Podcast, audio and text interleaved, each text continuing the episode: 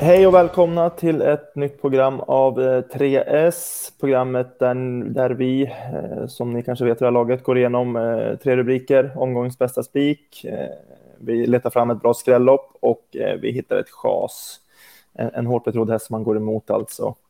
Den här veckan är det Mantorp som kör V75-tävlingarna. Det är jackpot och med mig har jag Linus Eriksson. Tjena Linus! Tjena Fredrik! Jaha, hur är läget? Jo, men det är bra. Man eh, börjar återhämta sig efter helgen nu ordentligt och taggad som attan inför jackpotten imorgon. Just det, just det. Spelmässigt kanske den här helgen är lika V75-mässigt kanske är lika intressant som förra helgen ändå. När det är jackpot nu då eh, till Mantorp. Ja, men det faktiskt. Och det är väl många som säkert kommer att vara lite trötta efter, eh, efter helgen som varit och kanske inte orkat göra jobbet som man ska göra. Så att eh, vi tycker vi oss har funnit några intressanta drag. Mm, mm. Kul. Jag tycker vi eh, drar igång direkt eh, med första rubriken som är eh, spiken.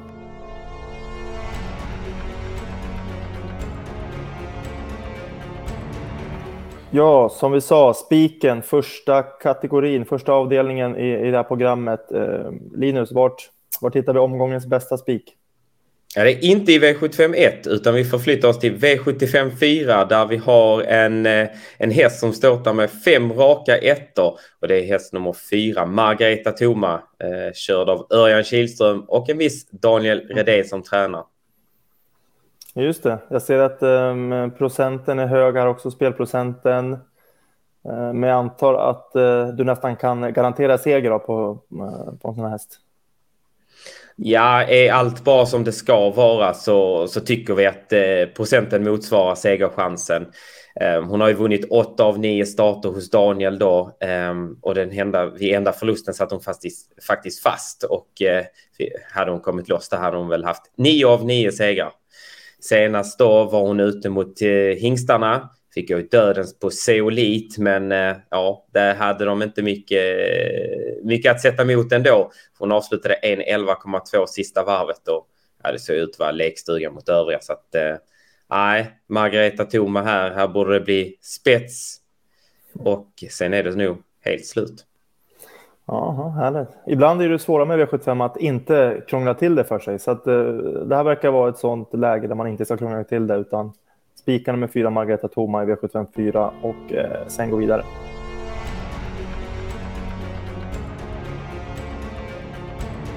Ja, det var dags för nästa rubrik. Skrälloppet. Eh, Linus, vilket lopp tycker du man ska gardera?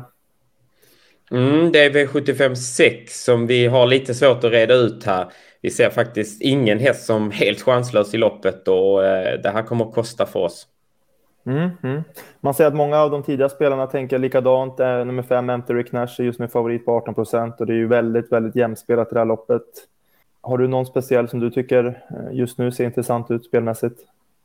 Ja, men den vi vill lyfta fram som vi tycker är helt intressant, speciellt när den är streckad på ja, singelprocent är ju två Jeppas Uppercut som eh, kommer från en V75-start. Hade då spår 12. Hamnade en bit, en bit utvändigt men stod för en stark långsport.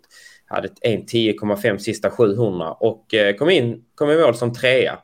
Eh, det här är en häst som normalt sett, eh, eller tidigare i alla fall, inte har gjort sig jättebra bakifrån utan har gjort sina främsta lopp eh, när han fått vara med fram i tät. Och bland annat tagit tre och fyra segrar från ledningen. Nu är det då som sagt spår tre, Hästen är startsnabb och vi ser det inte som omöjligt att den kommer till ledningen. Och ja, då tycker vi nästan att det är hästen att slå. Mm, mm, intressant. Man får ju låga procent på att det Torbjörn Jansson som kanske inte är den som mest anlitad av spelarna på V75 och även eh, lite okänd tränare där. Så att, eh, ja, det var intressant spelmässigt. Hur, eh, hur tänker du när du garderar ett sånt här lopp? Hur många streck ska man gå på? Ska man våga chansa bort någon hårt betrodd eller hur brukar du tänka? Ja, det är ju det där eh, vanliga uttrycket hur mycket plånboken klarar av så att säga. Eller, men eh, det behöver inte vara fel att sträcka på ändå här. Samtidigt får man ju alltid göra värderingarna här när det är så pass jämstreckat att är det värt att betala för en hårt betrodd om man nu tycker den kanske har samma segerchans eh, som en som är betydligt mindre. Så att man får göra den där avvägningen själv utefter hur, hur vågad man är i sina spel så att säga. Men jag är inte främmande för att man kan ta sju, åtta stycken i alla fall. Mm. Jag flikar in med att man ska ta med nummer ett, Eka Salming där också. Jag tycker den hästen är, det är en otroligt fin häst. Där, så. Har gjort det bra varje gång. Eh, det, det har strulat några gånger och sådär, men och galopperar framförallt mycket voltstart på karriären där. Men, men bilstart är han som ett lås och det är bra toppinsatser varje gång på den hästen där. Startsnabb också. Så att, kan, få, kan ju få loppet i ryggen på två Jeppas uppercut. Mm, mm, om Håkan väljer att släppa det kanske. Exakt. ja, nej, men de där två.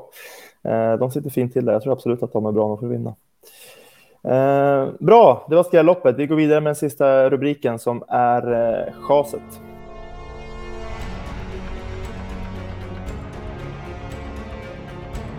Chaset är en häst som är hårt betrodd, som vi tror eh, mindre på och alltså chasar bort från eh, systemen. Åtminstone kommer försöka här. Linus, vilken, eh, vilken får eh, rubriken veckans chas på V75? Ja, det är inte den mest eh, super, eh, vad ska man säga, supersexiga chaset vi har haft här. Eh, det är lite roligare att chasa bort någon som är väldigt hårt betrodd. Men vi tycker att 7 I'll find my way home i V75 1 har fått eh, lite för mycket streck här. Och eh, vi kommer inte betala för den här hästen om eh, vi garderar. Nej, nej. Då är det sådär, den är hårt betrodd och man chasar bort den, kanske tar bort den. Det någon annan man kan ta med som är lite roligare före den? Då? Den 13 procent I'll find my way home. Finns det någon lågprocentare ja, men... som går före tycker du, som är given?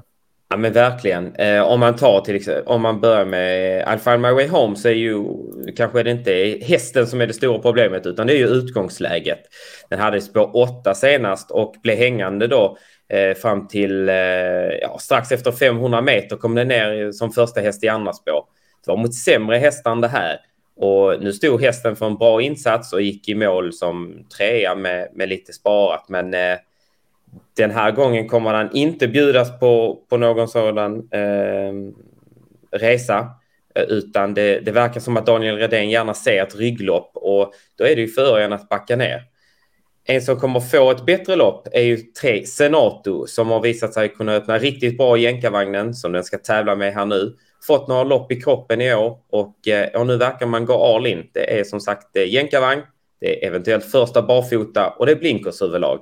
Så att eh, vi tar och sträcker Senato före Alfa Mary home alla dagar i veckan. Mm, mm. Gardera V751 alltså och eh, spara in lite pengar på att plocka bort 7 Alfa way home. Eh, bra, det var veckans rubriker. Eh, kan gå igenom dem igen, en snabbis. Eh, veckans bästa spik hittar vi vid 754, nummer 4, Margareta Toma. Bara vinner enligt Linus Eriksson. eh, sen har vi skrälloppet, V756. Där lyfter vi fram nummer 2, Jeppas Uppercut och nummer 1, Eka Salming. Men eh, sträcka på eh, så mycket man har råd. 7-8 streck kanske eh, och försök få med de här eh, roliga som kan höja värdet. Eh, sen plockar vi bort vid chasa nummer sju, I'll find my way home i V75 1. Spik på Redén och chas på Redén alltså.